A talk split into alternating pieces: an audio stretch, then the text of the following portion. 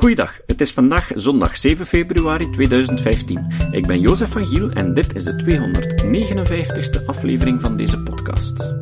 Vandaag horen jullie een artikel dat enige tijd geleden in het Nederlandse tijdschrift voor geneeskunde verscheen.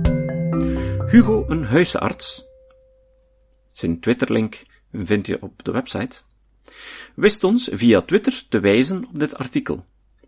Het is geschreven door dokter Lenny Verkooyen, die ons antwoordde dat zij graag haar bijdrage geeft aan onze podcast toen ik haar toelating vroeg om haar tekst in te spreken. Geluk en kanker. Als kankerpatiënt krijg je de indruk dat je je lot in eigen handen hebt, dat je met positief denken je overlevingskansen kunt vergroten, dat je met vechten en niet opgeven jouw eigen strijd kunt winnen. Toch overlijden er in Nederland jaarlijks meer dan 40.000 mensen aan kanker. Waren deze mensen niet positief genoeg? Hebben ze niet lang genoeg gevochten? Of was, zoals je in veel overlijdensadvertenties leest, de ongelijke strijd gewoonweg niet te winnen? Het klinkt bijna als een verontschuldiging. Ook zou het overwinnen van kanker je een completer en gelukkiger mens maken. Veel beroemde mensen die van kanker genazen, zien hun ziekte achteraf als een blessing in disguise. Zoals Lance Armstrong stelde, Without the illness, I would never have been forced to re-evaluate my life and my career. I know if I had not had cancer, I would not have won the Tour de France. We weten ondertussen wel beter, maar veel kankerpatiënten en hun naasten hebben jarenlang hoop geput uit dit soort uitspraken. Waar komen deze opvattingen vandaan en, belangrijker nog, kloppen ze wel? Is het daadwerkelijk zo dat optimisten en vechters minder vaak aan kanker overlijden? En dat een overwinning op kanker je een gelukkiger mens maakt? Beïnvloeden stress en persoonlijkheid de overleving na kanker? Het idee dat kanker psychologisch te overwinnen is, komt voort uit studies die laten zien dat psychologische factoren, in het bijzonder stress, het functioneren van het immuunsysteem en van DNA-reparatiemechanismen kunnen verminderen. Via dit mechanisme zou stress de progressie van kanker bevorderen. Twee logische gevolgtrekkingen zijn dat enerzijds personen die veel stress ervaren, of dit onvoldoende uiten, een grotere kans hebben om aan kanker te overlijden en anderzijds dat psychosociale interventies die zijn gericht op het reduceren van stress de overlevingskansen na kanker kunnen verbeteren. Dus, volgens deze theorie, vergroten vechten en positief denken en het leren ontwikkelen van deze vaardigheden de overlevingskansen.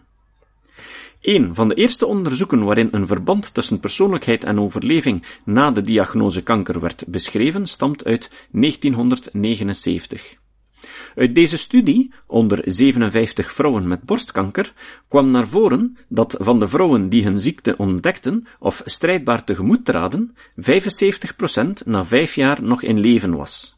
Vrouwen die hun ziekte stoïcijns accepteerden en vrouwen die in de slachtofferrol kropen, hadden aannemelijk slechtere overlevingskansen, slechts 35% na vijf jaar. Op basis van een systematische review van 37 studies uit 2002 kan het wetenschappelijk bewijs voor een betere overleving van patiënten met een positieve instelling en met een vechtersmentaliteit echter op zijn best inconsistent genoemd worden. Positieve verbanden tussen copingstrategie en overleving werden vooral gevonden in kleine studies met zwakke methodologie, waarin bijvoorbeeld niet voldoende gecorrigeerd werd voor belangrijke prognostische factoren. Uit deze systematische review bleek ook dat studies met positieve bevindingen aannemelijk kleiner waren dan studies waarin geen verband werd gevonden. Gemiddeld 89 versus 198 patiënten. Dit is niet alleen methodologisch problematisch, maar ook zeer suggestief voor publicatiebias. Een meer recente studie, de grootste op dit gebied, komt uit Scandinavië. In een cohort van ruim 4500 kankerpatiënten werd gekeken naar het verband tussen persoonlijkheidskenmerken en overleving na diagnose kanker. Hierbij werden twee persoonlijkheidskenmerken gemeten: extraverte en neurotische kenmerken. Het idee hierachter was dat patiënten met weinig extraverte en veel neurotische kenmerken het zogenaamde persoonlijkheidstype C hun emoties vaker onderdrukken en dus meer zijn blootgesteld aan stress. Dit zou weer een negatief effect hebben op overleving na de diagnose.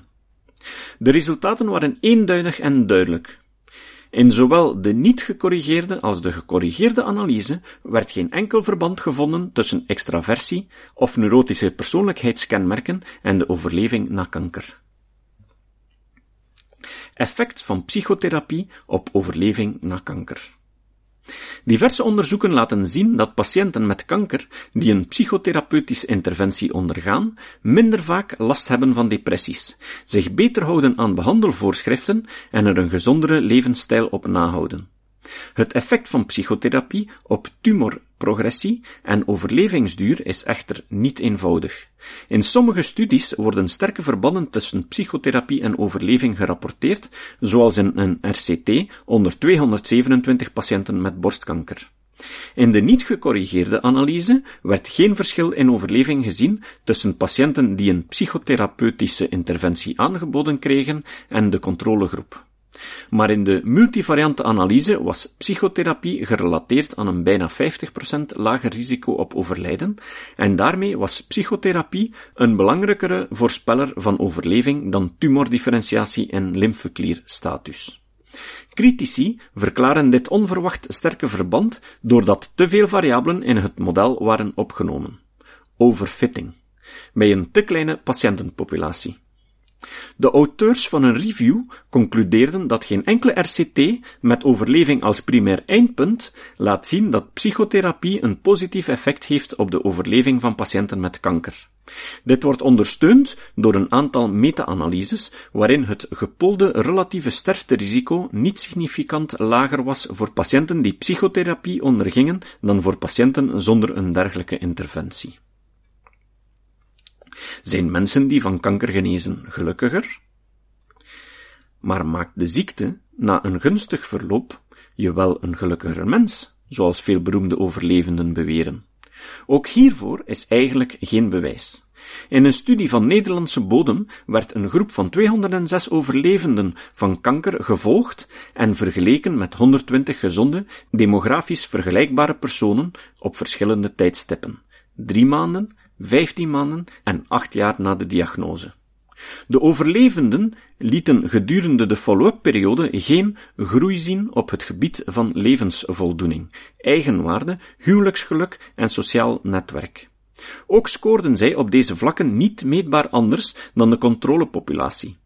Wel hadden overlevenden significant vaker te kampen met lichamelijke problemen. In het kwalitatieve deel van de studie gaven de overlevenden aan het leven in zichzelf en relaties met anderen nu meer te waarderen dan acht jaar geleden. Dit schreven ze toe aan hun ziekte.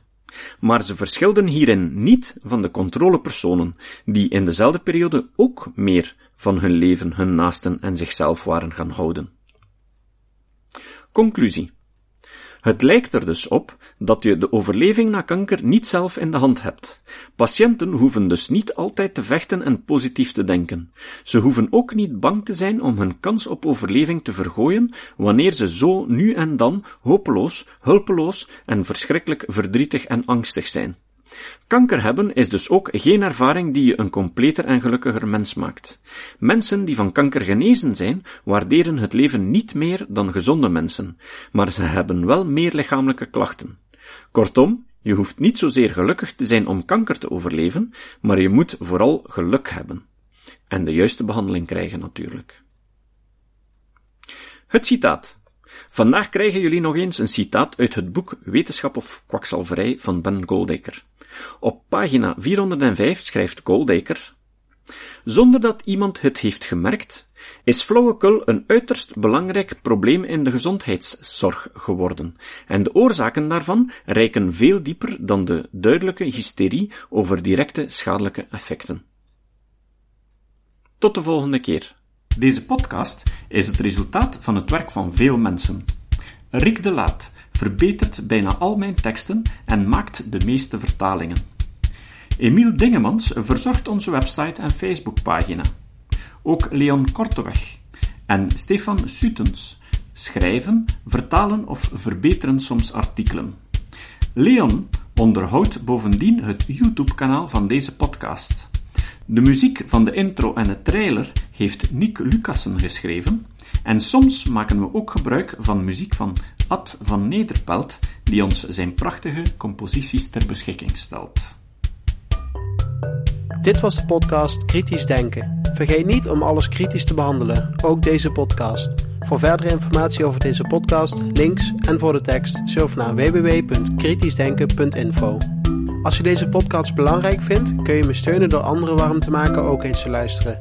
Stuur een e-mail naar vrienden met een link naar de website en plaats de link in de handtekening van je e-mails. Tevens kun je op iTunes deze podcast een beoordeling geven of een recensie schrijven. Of je kan op je eigen website of blog een link naar kritisch denken plaatsen.